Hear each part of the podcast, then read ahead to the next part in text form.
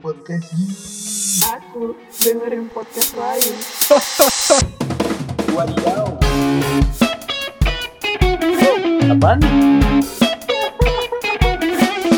Ini podcast? Anjay. Halo warga FTK, balik lagi di Explorame episode ke 8 Ya ampun aku selalu lupa dengan episodenya. Karena aku tidak pandai berhitung. Jadi di episode 8 ini Dini muncul dulu dong, sapa-sapa dulu dong Halo semuanya, balik lagi ke Explorame Asik. episode 8. Ya ampun Jadi ceritanya kita ini apa namanya comeback gitu loh Setelah tidak lama muncul di Spotify Selama sebulan kita hilang Itu ada kabar-kabar baik sebenarnya di sekitar ITS. Yang pertama ada Grigi ITS yang menyambut mahasiswa baru 2020. Halo 2020, selamat datang di FTK Dan kita dan di ITS intinya ya. Habis itu ada apa lagi ya? Kegiatan maba itu ngapain aja? Grigi, gathering. terus Oh iya, oh iya gathering gathering FTK ya. Iya, Ya gathering FTK tuh bulan September kemarin juga ya? Eh, aku Iya, lupa tanggalnya kapan. Tapi bulan September ya. Saya ingatku tuh pokoknya gathering FTK tuh ini eh weekend, terus Seninnya kita langsung minggu pertama gitu. Gila sih.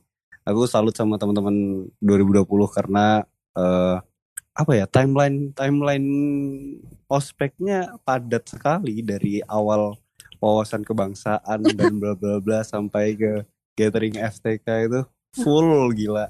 Dan banyak loh yang kayak- ikut, rame banget. Iya dong, kan eh, emang diwajibin kan? Iya, cuman kan biasanya ada mungkin ada yang izin-izin gitu kan, yang ada yang males. Tapi ini rame yang ikut, jadi mereka tuh sangat bersemangat ya sebenarnya. dong. Soalnya kalau mereka nggak ikut ya mereka nggak ngerti info-info di kampus dong. Ntar kayak gimana? Mereka kuliah kayak gimana? Nggak kenal siapa-siapa. Udah nggak, ya kan mereka udah nggak nggak ke kampus juga enggak. Cuman di rumah doang ngeliatin laptop doang kayak gitu Iya. kan. Hah, gitu deh. Soal kabar di ITS. Sekarang kita di episode 8 mau bahas apa, Din? Eh, kita ini ada kedatangan tamu dari teman teman kita dari Kastrat dan kita pengen bahas apa nih? Kasrat lagi. Muncul dong. Halo semuanya. Kasrat lagi. Assalamualaikum Mbak Dini, Mbak Al. Waalaikumsalam. Waalaikumsalam. Mas Al. Waalaikumsalam. parah sih, parah.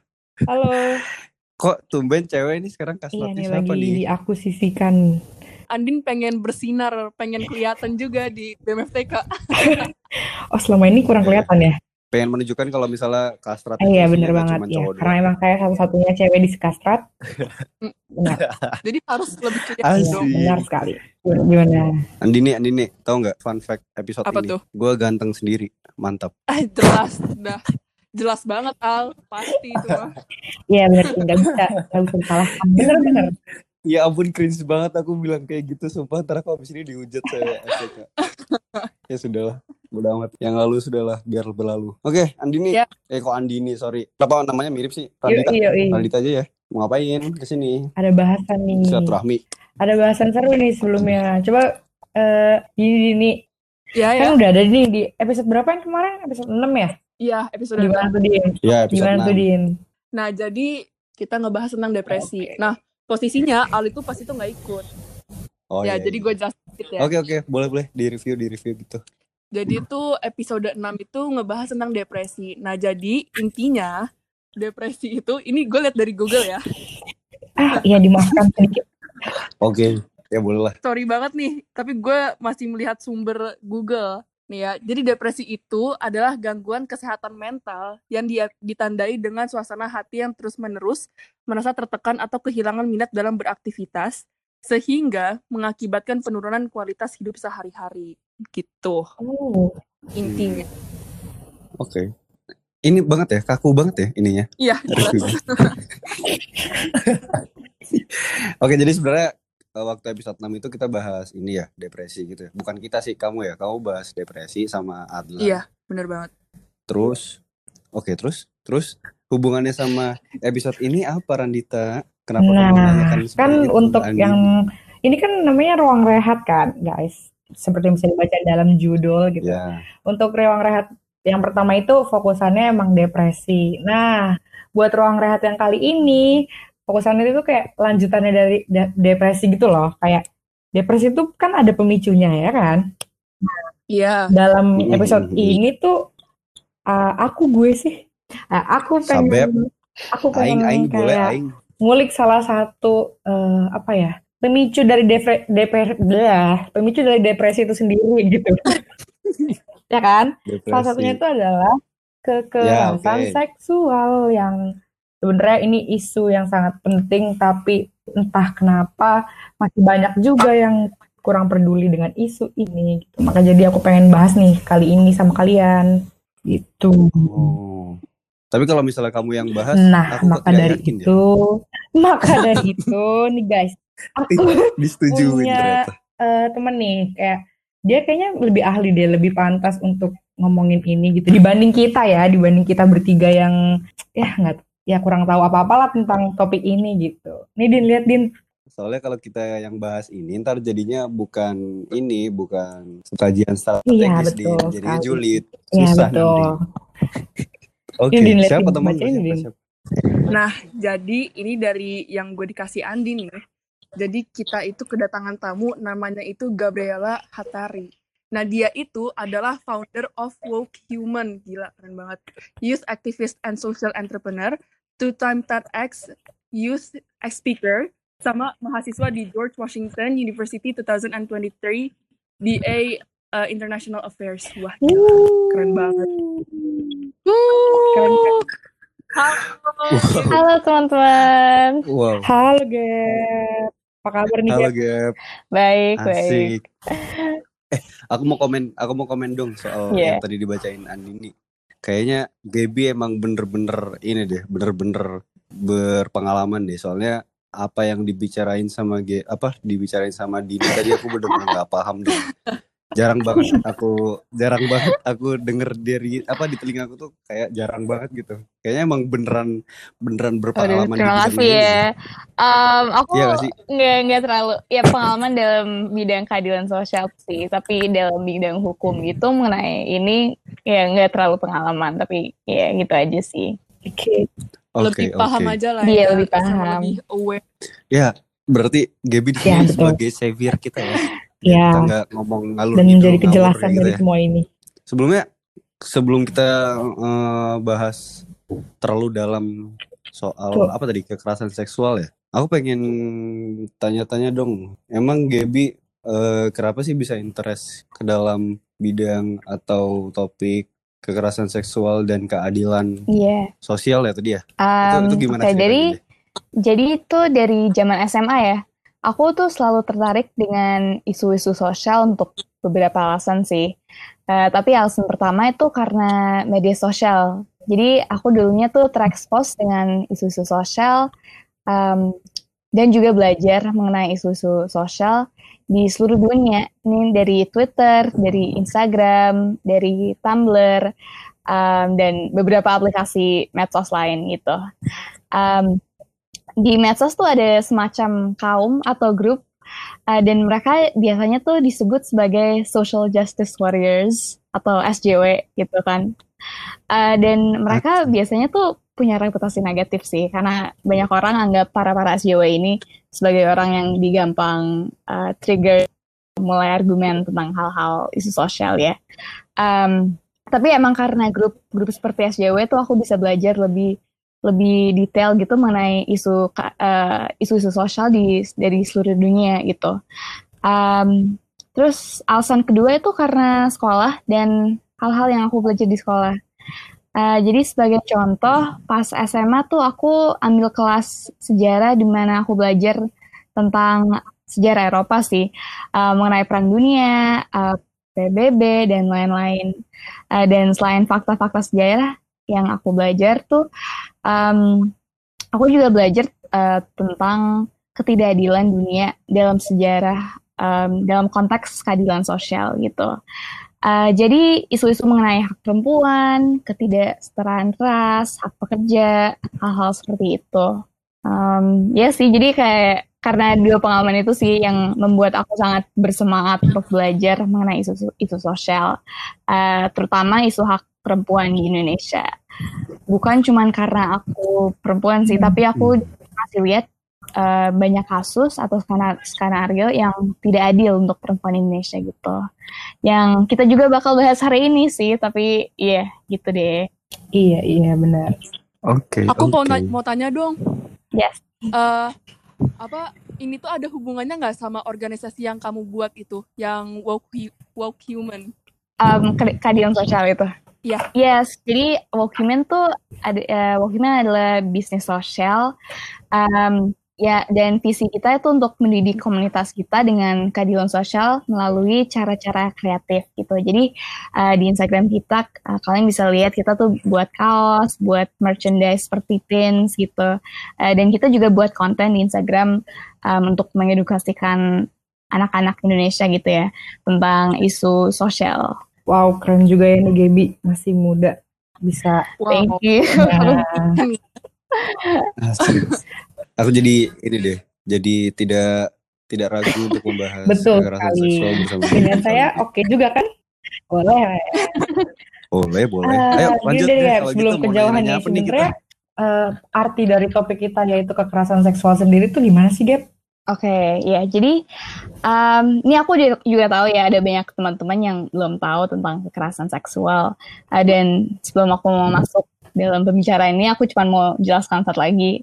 Um, aku tuh bukan seorang pengacara atau profesional dalam bidang hukum, tapi aku emang bekerja uh, sebagai aktivis di bidang keadilan sosial. Dan aku belajar informasi-informasi ini dari um, dari orang-orang atau komunitas um, aku. Oke, okay. jadi um, yeah. dari Yayasan Puli itu definisi kekerasan seksual uh, adalah setiap tindakan baik uh, berupa ucapan ataupun perbuatan yang dilakukan seseorang untuk menguasai atau memanipulasi orang lain serta membuatnya terlibat dalam aktivitas seksual yang tidak diken, di, dikehendaki. Um, dan selain ini sih kalau kita mau bahas tentang kekerasan seksual tuh ada dua aspek penting untuk um, kita harus mengenai. Yang, perta yang pertama itu aspek pemaksaan dan aspek tidak adanya persetujuan dari korban. Yang hmm. kedua itu korban tidak atau belum mampu memberikan persetujuan. Um, so overall no consent itu kekerasan seksual ya. Um, dan untuk menjelaskan lebih lanjut, Komnas Perempuan, uh, yaitu Komisi Nasional Perempuan di Indonesia, telah mengidentifikasi 15 bentuk kekerasan seksual yang termasuk perkosaan, intimasi, eksploitasi seksual, um, dan lain-lain. Jadi itulah kekerasan seksual. Oh oke okay, oke. Okay. Uh, tapi Gap, hmm. uh, tapi Gap sebenarnya pelecehan sama kekerasan seksual tuh definisinya bisa disatu artikan atau emang beda sih Gap? Hmm, jadi uh, bisa disatu artikan sih. Jadi pelecehan seksual tuh adalah salah satu jenis perbuatan kekerasan seksual gitu ya. Uh, hmm. Dan ini termasuk dalam 15 bentuk kekerasan seksual oleh Komnas Perempuan yang tadi aku uh, udah bilang. Hmm. Um, dan apa itu pelecehan seksual? Pelecehan seksual itu adalah tindakan seksual lewat sentuhan fisik maupun non fisik dengan uh, dengan sasaran organ seksual atau seksualitas korban. Jadi contohnya tuh siulan, uh, main mata, um, colekan atau sentuhan di bagian tubuh. Um, intinya tuh semua aksi yang tidak memiliki konsen gitu. Hmm, oke okay, oke. Okay. Hmm. Oh ya. tapi tapi nih ya, okay. sebenarnya tuh um, aku tuh agak bingung kenapa hal-hal yang kayak gini tuh malah banyak yang ditutup tutup tutupin atau bahkan tidak dibicarakan. Iya, kenapa banyak banget kasus yang dianggap iya, sepele yeah, yeah. gitu? Jadi ya betul banget sih. Ada banyak hal yang bisa uh, yang bisa mempengaruhi perspektif orang mengenai keseriusan ya kasus-kasus kekerasan seksual.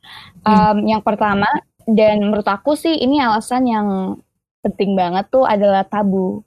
Yeah. Um, jadi banyak banyak dari masyarakat Indonesia tuh masih menganggap bahasan tentang kekerasan seksual maupun seks sendiri sebagai hal yang tabu. Uh, padahal ini kan hal yang penting untuk dibahas gitu ya kan. Betul. Dan kita udah lihat dari dari data dan dari statistik bahwa Indonesia tuh emang punya kurangnya uh, pendidikan seksual dibandingkan negara lain. Um, terus pembahasan mengenai seks itu adalah pembahasan yang kontroversial juga ya kan karena mayoritas masyarakat Indonesia juga dikenal religius dan seks itu merupakan topik yang panas dan sensitif uh, dan seks juga itu dianggap hal yang yang tidak baik gitu dalam agama jika dilakukan secara bebas.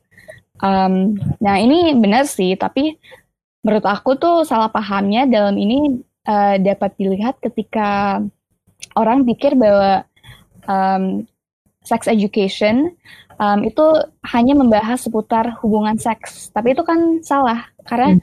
malah ada pembahasan lainnya um, yang juga penting untuk diketahui. Misalnya nih um, memahami hubung hubungan uh, atau gender, nilai-nilai dan kepentingan uh, menggunakan alat kontrasepsi, hak-hak dan budaya seksualitas, uh, bahkan juga kesehatan tubuh dan organ seksual.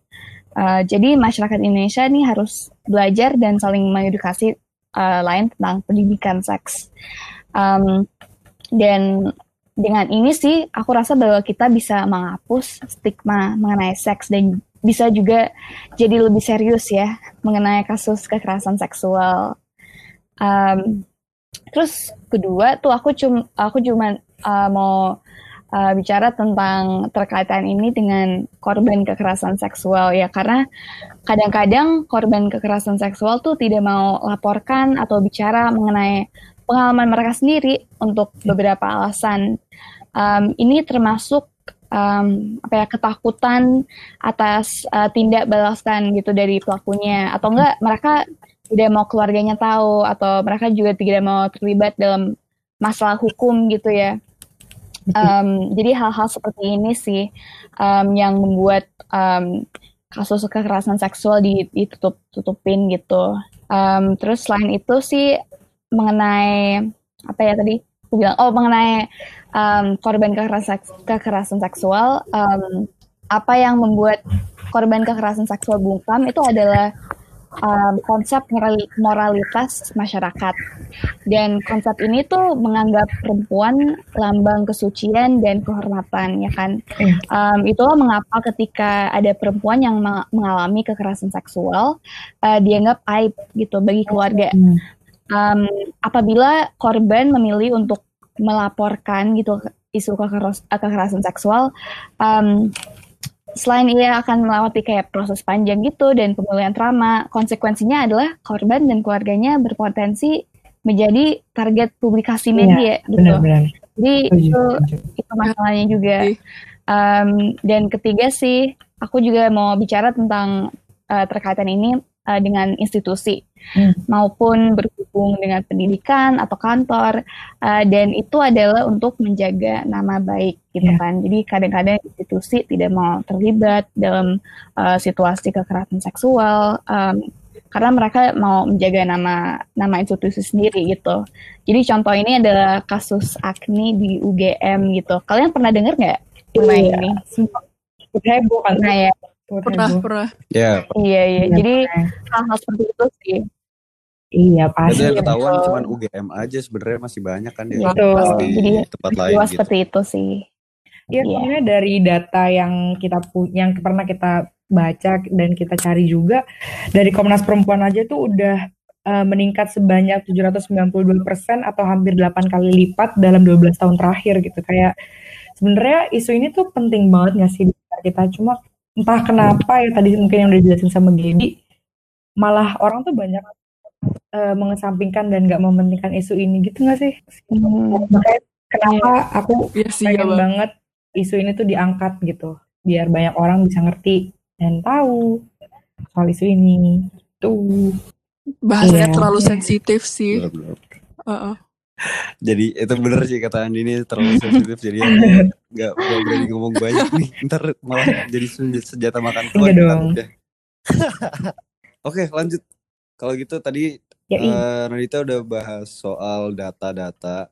Kira-kira data tadi kan yep. data ini ya kamu ngobrolin data yang dari Komnas Perempuan ya? Nah gimana sih kalau misalnya di kampus kita sendiri atau uh, mungkin boleh dimulai dari iya, Indonesia iya, gitu? Kalau dari ya, data Indonesia kampus kan, itu ya? sendiri sebenarnya ya, benar tadi yang udah disampaikan sama Gaby uh, susah ya buat nyari data konkret uh, soal kejadian di kampus sendiri. Karena kan bener tadi yang dibilang Gaby kayak uh, orang yang kena apa ya penyintas yang penyintas yang ngelaluin kekerasan seksual ini kan juga banyak yang nggak ngerti cara cerita atau bahkan kayak tadi yang dibilang kayak mereka takut juga kan buat cerita buat ceritain apa yang mereka alamin dan banyak juga institusi yang kesannya seperti menutup-nutupi gitu kan. Jadi untuk saat ini Komnas Perempuan juga belum punya data yang uh, akurat soal kejadian kekerasan seksual di kampus gitu. Hmm, bener sih. Iya, ya, karena masih bener. banyak yang tutup mulut juga kan kayak sebenarnya tuh latar belakang orang ngelakuin kekerasan seksual ini apa sih? Uh, apakah dia dipengaruhi oleh kesehatan mental kah atau karena hasratnya atau kayak gimana? Aku tuh kadang suka bingung gitu sama orang yang okay. uh, eh, kepikiran buat ngelakuin hal itu. Hmm, iya iya.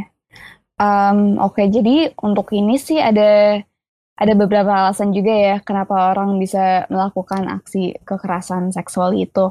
Bisa dipengaruhi oleh kesehatan mental sih, yes. Jadi contohnya tuh emosi yang tidak bisa dikontrol atau mungkin pelakunya mempunyai uh, trauma gitu dari pengalaman masa lalu. Masa lalu. Um, dan ini sih bisa jadi isu dari masa kecil atau juga isu yang dipengaruhi oleh pengalaman sendiri saat mereka tumbuh dewasa, eh, dewasa, sorry.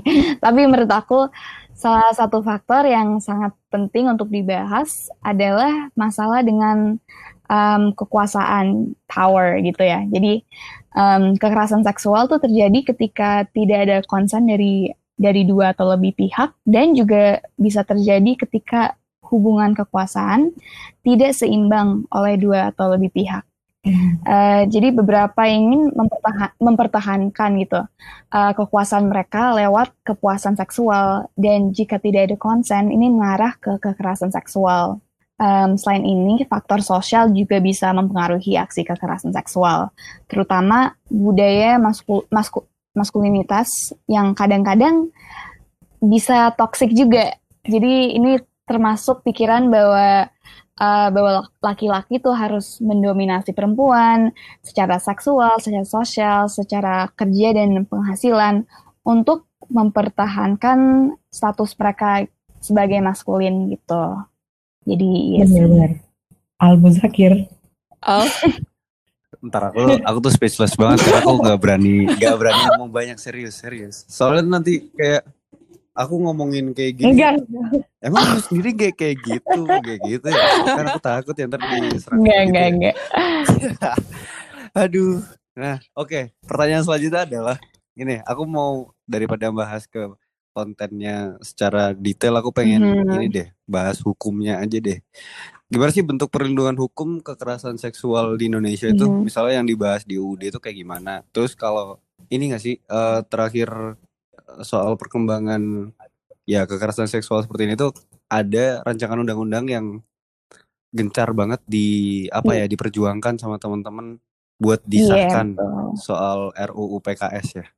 Nah, itu kira-kira kenapa sih kalian kalian memperjuangkan banget seperti seperti orang-orang sekarang memperjuangkan hmm. untuk menggagalkan omnibus law seperti itu? Emang dampak RUU PKS itu sebesar apa sih ke ini pol apa payung hukum ya payung hukum iya. kekerasan eh, seksual uh, jadi mengenai itu. mengenai itu apa bentuk perlindungan hukum kekerasan seksual sekarang tuh di Indonesia perlu banyak perbaikan ya. Karena tuh kita tidak punya instrumen hukum yang mengutamakan korban kekerasan seksual secara menyeluruh gitu terutama dengan proses keadilan dan pemulihan. Um, kita emang ada sih UUD um, yang apa yang juga bisa melindungi korban kekerasan seksual tapi um, apa instrumen hukum ini nggak terlalu komplit gitu. Jadi contohnya undang-undang penghapusan kekerasan dalam rumah tangga itu tidak bisa mengakomodasi kasus kekerasan seksual di luar ranah rumah tangga gitu. Dan um, selain itu undang-undang perlindungan anak tidak bisa mengakomodasi kasus kekerasan seksual yang terjadi kepada korban yang bukan anak anak Uh, jadi sekarang tuh sangat sulit ya membantu korban cari keadilan uh, dan juga mengakses pemulihan karena tidak ada instrumen hukum yang memang benar-benar mengatur uh, kebijakan tentang kekerasan seksual secara menyeluruh. Uh, nah, oleh karena itu tuh kita perlu undang-undang seperti RUU PKS. Uh, jadi RUU PKS itu bertujuan untuk melindungi masyarakat dari kekerasan seksual uh, dan juga mem untuk mem mewujudkan lingkungan bebas kekerasan seksual. Jadi um, intinya tuh pengaturan terhadap tubuh hanya dapat dilakukan oleh diri sendiri gitu untuk yeah. RUU PKS ya. Oke. Oke oke. Oke, Dia lanjut. uh, tapi gap nih ya, yeah. sebenarnya um, sebenarnya nih kebebasan berpakaian itu berpengaruh berpengaruh besar gak sih terhadap uh, kenaikan angka kasus uh, kekerasan -hmm. seksual ini? Karena kan banyak orang yang menjadi uh, victim blaming karena misal mereka tuh uh, ditreat seperti itu karena pakaiannya yang terlalu terbuka lah atau yang terlalu menarik perhatian lah yeah, atau iya. apa yeah. gitu kan ya. Sebenarnya tuh ini ada keterkaitannya nggak atau berpengaruh uh, sama kenaikannya angka kasus kekerasan seksual di Indo atau di mana pun? Uh, jadi menurut aku sih of course not ya karena uh, karena tuh jika kami pikir bahwa sebuah pakaian bisa jadi uh, menjadi pemicu kekerasan seksual, kita tuh juga sebenarnya melak melakukan aksi victim blaming. Uh, nah, victim blaming um, itu adalah, adalah sebuah istilah yang yang menyalahkan korban terhadap kesalahan um, atau bencana um, yang menimpa dirinya sendiri gitu ya. Jadi contohnya tuh menyalahkan korban untuk apa yang dia pakai um, atau bisa juga menyalahkan korban untuk uh, misalnya uh, pakai makeup gitu. Oh jadi karena itu kamu menarik banyak perhatian gitu dari cowok-cowok. Hmm. Uh, atau selain ini bisa juga ada kejadian ketika korban mengenai pengalamannya di uh, pengalamannya dia sendiri di um, lewat sosial media atau online gitu. Dan netizen malah komentar ah paling dia dramatis saja atau kenapa sih dia harus um, nge-share ke sosmed gitu. Yeah. um, itu kan salah karena kan um, malah pelakunya yang harus disalahkan gitu bukan bukan korbannya. Um, dan itu adalah um, contoh victim blaming ya. Tapi dalam skala besar kita bisa mengamati kultur kita sendiri yang bisa mempengaruhi pikiran seperti ini. Dan itu adalah kultur atau budaya patriarki ya. Jadi buat teman-teman yang belum tahu apa patriarki itu, uh, patriarki itu adalah sebuah sistem yang menganggap kaum uh, cowok ditakdirkan untuk uh, mengatur perempuan gitu. Hmm. Uh, jadi kita bukan sederajat gitu, we're not equal. Uh, dan hal ini tuh bukan cuma berlaku di, di Indonesia ya, tapi juga di seluruh dunia sepanjang sejarah. Apa? tuh, dalam keluarga, uh, oke, okay, contohnya tuh dalam keluarga sosok yang disebut ayah tuh kan memiliki uh, sebuah otoritas ya kan terhadap perempuan, anak-anak atau atau juga kayak harta harta benda gitu. Hmm. Dan beberapa beberapa masyarakat di um, Indonesia patriarkal um, juga bisa disebut sebagai patrilineal uh, yang berarti bahwa properti um, dan dan gelar diwariskan tuh kepada keturunan cowok gitu. Jadi hmm. ini juga sebagai sistem gitu ya um, bukan cuman gitu sih, tapi kita juga bisa lihat sistem patriarki ini secara sosial. Jadi laki-laki mendominasi perempuan secara seksual atau secara kerja um, dan lain-lain. Hmm, um, hmm, gitu. Ya ya. Seakan-akan kayak iya, betul, betul, lebih tinggi betul. dibanding cewek. Nah, kan oh. tadi udah dijelasin tuh okay, okay. soal iya, patriarki. Ya, lanjut lanjut lanjut. Aku mau nanya deh, kayak hmm. kenapa ya mayoritas tuh pelaku dari kekerasan seksual ini tuh kenapa bisa laki-laki ya gitu. Terus nggak lama nih ada kan kayak kasus soal yang lagi gempar-gemparnya dari Twitter tuh yang bungkus-bungkus itu nggak sih? Iya bungkus yang viral itu loh bungkus. yang iya betul. Nah kan yang itu itu cowok juga ya, ya. Terus aku mau nanya sih sebenarnya Fetis tuh termasuk da uh, dari bentuk penyimpangan gak sih? Oke, okay. uh, eh, jadi pertama tuh aku cuma mau bilang mayoritas cowok tuh bisa jadi pelaku, yes. Tapi uh, kita juga harus tahu bahwa juga ada situasi di mana cowok juga bisa jadi korban keke- kekerasan seksual ya. Hmm. Um, tapi yang seperti kita bahas, kenapa mayoritas cowok yang jadi pelaku adalah karena um, karena dominasi budaya patriarki terhadap perempuan itu itu, itu pertama. Um, dan oleh karena itu perempuan tuh bisa bisa mengalami subordinasi, marginalisasi, dominasi, hingga kekerasan seksual juga. Um, terus um, ini juga menurut Komnas Perempuan, tapi ini juga terkait dengan faktor ketidakadilan gender, uh, penyalahgunaan relasi kuasa, dan budaya patriarki. Jadi uh, ketiga faktor inilah ini yang membentuk kekerasan uh, berbasis gender, um, di mana bentuk-bentuknya berupa kekerasan seksual gitu. Um, tapi selain ini, uh, bisa juga ada kejadian ketika pelaku tidak memiliki rasa hormat pada korbannya dan menjadikan korban uh, sebagai objek seksual. Ini juga dikenal sebagai objektifikasi perempuan ya.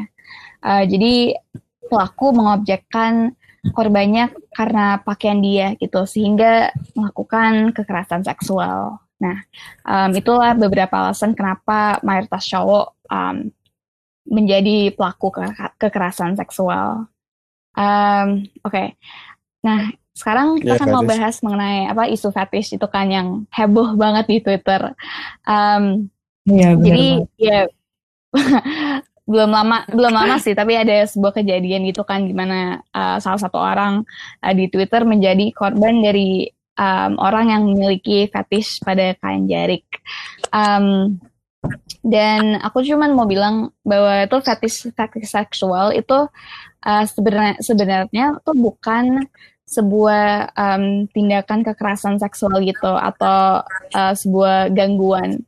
Um, tapi fetish seksual tuh juga dapat melibatkan beberapa jenis tindakan seperti meminta seseorang untuk uh, pakai pakaian tertentu gitu um, saat berhubungan intim.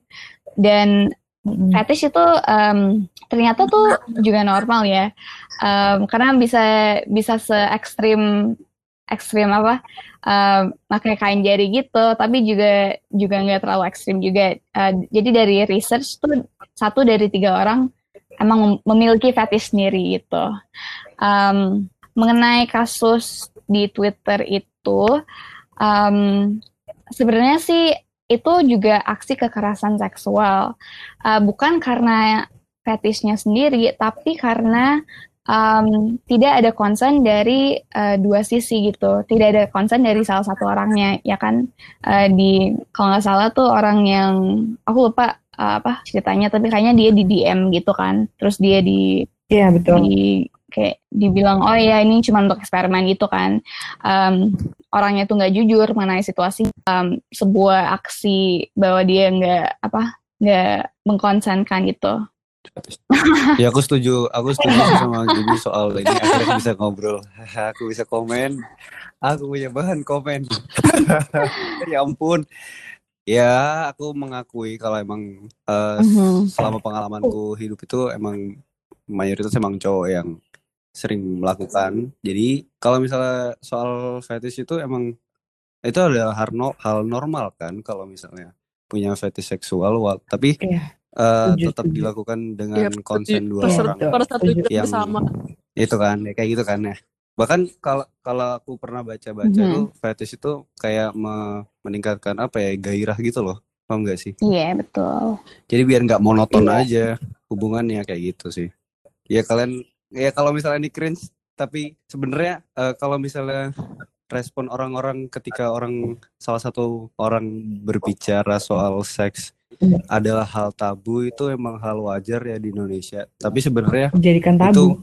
bukan sesuatu Iya, yang betul. seharusnya Iya. apa ya terjadi gitu ya di Indonesia iya seharusnya nggak tabu banget nah kira-kira gimana sih eh, Gap dari kamu cara biar apa ya warga warga Masyarakat. eh, masyarakat lah secara umum itu mengerti tentang pentingnya pendidikan seksual Oke. kayak gitu tuh kira-kira Em, gimana Oke, jadi kalau em, mengenai itu sih aku em, saran aku tuh untuk mulai percakapan gitu ya, so start the conversation mengenai isu-isu um, yang dianggap tabu seperti ini. Um, salah satu quote terfavorit conversation, it's probably worth having one, ya kan? Jadi uh, jika itu sulit, ada kemungkinan percakapan itu emang berharga. Dan yang aku rasa kalau kita apa mau mau bahas seperti kekerasan seksual maupun juga isu keadilan sosial gitu. Jadi um, kita tuh harus emang harus mulai conversation yang seperti ini sih kepada orang-orang di masyarakat kita. Um, bisa kita bisa mulai dari keluarga atau maupun juga teman-teman juga ya kan karena ini emang isu yang sangat uh, berat untuk diskusikan gitu uh, tapi hmm. untuk kita jika kita mau um, menghilangkan stigma ini dan tabu ini kita harus mulai lebih um, gimana lebih uh, comfortable gitu. Oke, okay. berarti emang caranya emang harus dibiasakan gitu ya dari sejak sejak apa ya? Sejak sejak kecil harus gitu ya. Harus dimulai secara perlahan bertahap sih. Iya sih. Iya. Nah, uh, since masih banyak banget korban yang sebenarnya tuh masih takut buat ngomong karena takut dianggap remeh, mm-hmm. atau takut disalahkan jadi victim blaming, atau mungkin karena masih ragu karena nggak tahu sebenarnya tuh uh, penjelasan atau sebenarnya pengertian kekerasan seksual tuh apa gitu loh. Nah kalau yeah. misalnya kamu nih Gap, uh, kalau misalnya seandainya itu terjadi sama kita tuh kita mesti kayak gimana sih, uh, mau maupun sebagai penyintas atau pendengar? Oke, okay. uh, jadi tuh jika kamu mempunyai teman ya yang misalnya nih mengalami kekerasan seksual, um, inilah beberapa cara kamu bisa mendukung mereka. Yang pertama itu dengarkan ya. Jadi dengar dengan seksama dan jangan jangan menghakimi itu. Kamu bisa kasih saran, um, tapi jangan pernah memberitahukan apa yang terbaik untuk mereka. Um, jadi jangan memaksakan gitu pilihanmu uh, hmm. kepada mereka gitu ya.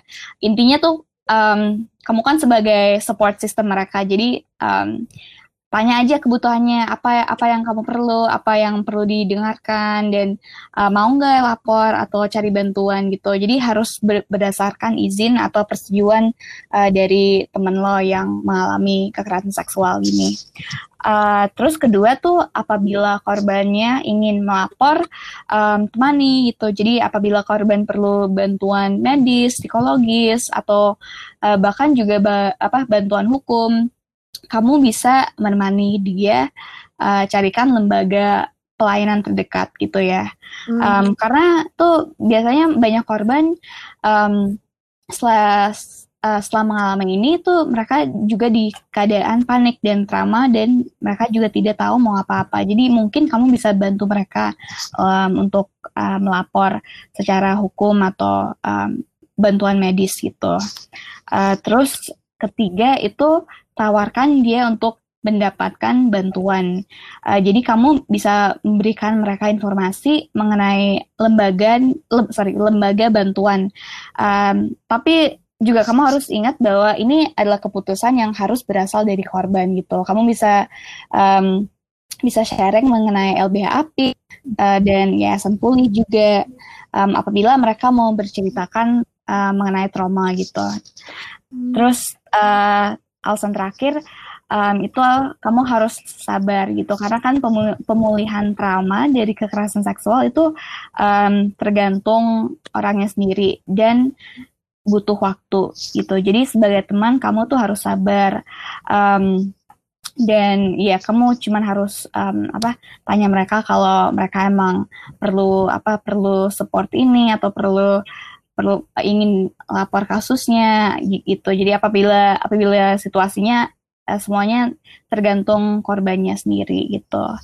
Um, dan jika kamu yang mengalami kekerasan seksual, aku cuma mau bilang ke kamu untuk jangan pernah menyalahkan diri sendiri ya.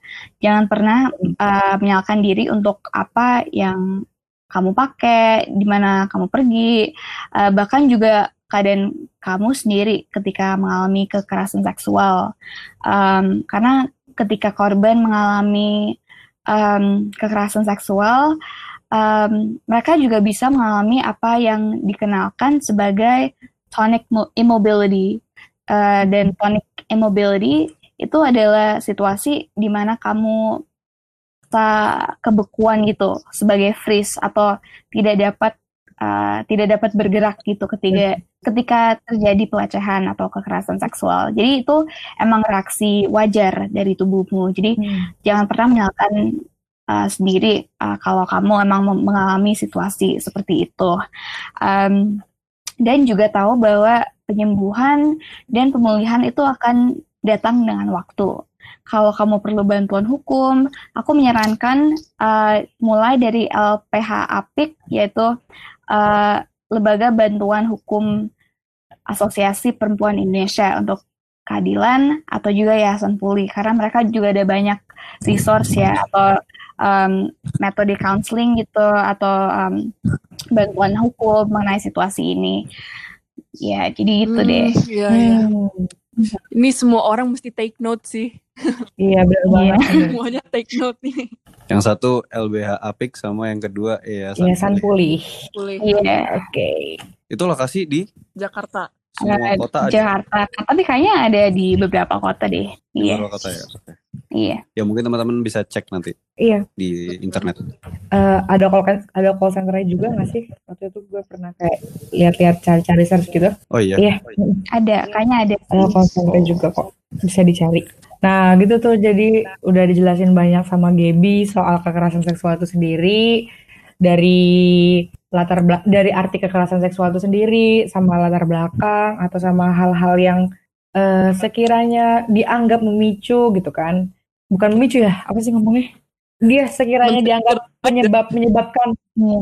menyebabkan kekerasan seksual dan termasuk juga cara eh, penanganan baik sebagai penyintas atau pendengar dari penyintas kekerasan seksual gitu teman-teman Dan ini nggak berlaku Mhm. cuman untuk orang-orang yang eh, mengalami kekerasan seksual. Ini buat Betul. seluruh masyarakat Iya, untuk semuanya. untuk semua untuk semuanya. Buat cowok juga ya berarti ya? iya ini Iya. nggak memandang Iya, buat cowok juga Cowok dong. juga. Asik. cowok cewek semua semua semua sama Iya.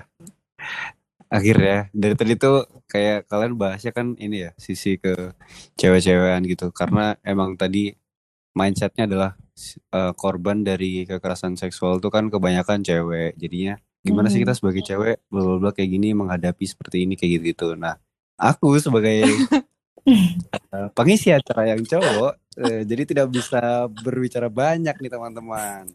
Cuman aku juga pengen mengingatkan kalau misalnya kekerasan seksual yang udah dibilangin Gaby tadi ya eh, kalau kekerasan seksual tuh gak cuman ke cewek doang tapi Betul. ya ke cowok juga bisa gitu loh Iya. Tuh. di mana Betul. kondisinya tuh sama kondisinya adalah di mana cewek tuh ngerasa lebih dominan daripada cowok kapan dan bagaimana kondisinya kalian ya gimana ya aku mau ngasih contoh cuman nanti dikira so tahu cuman ya bisa lah nanti dibayangkan di kehidupan Iya. teman-teman kayak gitu Ya, kekerasan seksual itu nggak Ya, walaupun- pernah bisa dibenarkan dan nggak pernah bisa disepelekan. Mau itu Betul kalian, sekali. keluarga kalian, Iya, betul. atau eh, intinya Benar. siapa pun, itu sekalinya mereka melakukan itu tetap salah. betul Iya. bener Dan padahal, yang namanya- padahal seksual tuh nggak harus keras-keras loh lemah lembut mah enak aduh Iya, sorry teman-teman bener. offside Malu ah. offside nih Bos. kayak Enggak. nyebut makanya gue agak Aku dengerin podcast lain.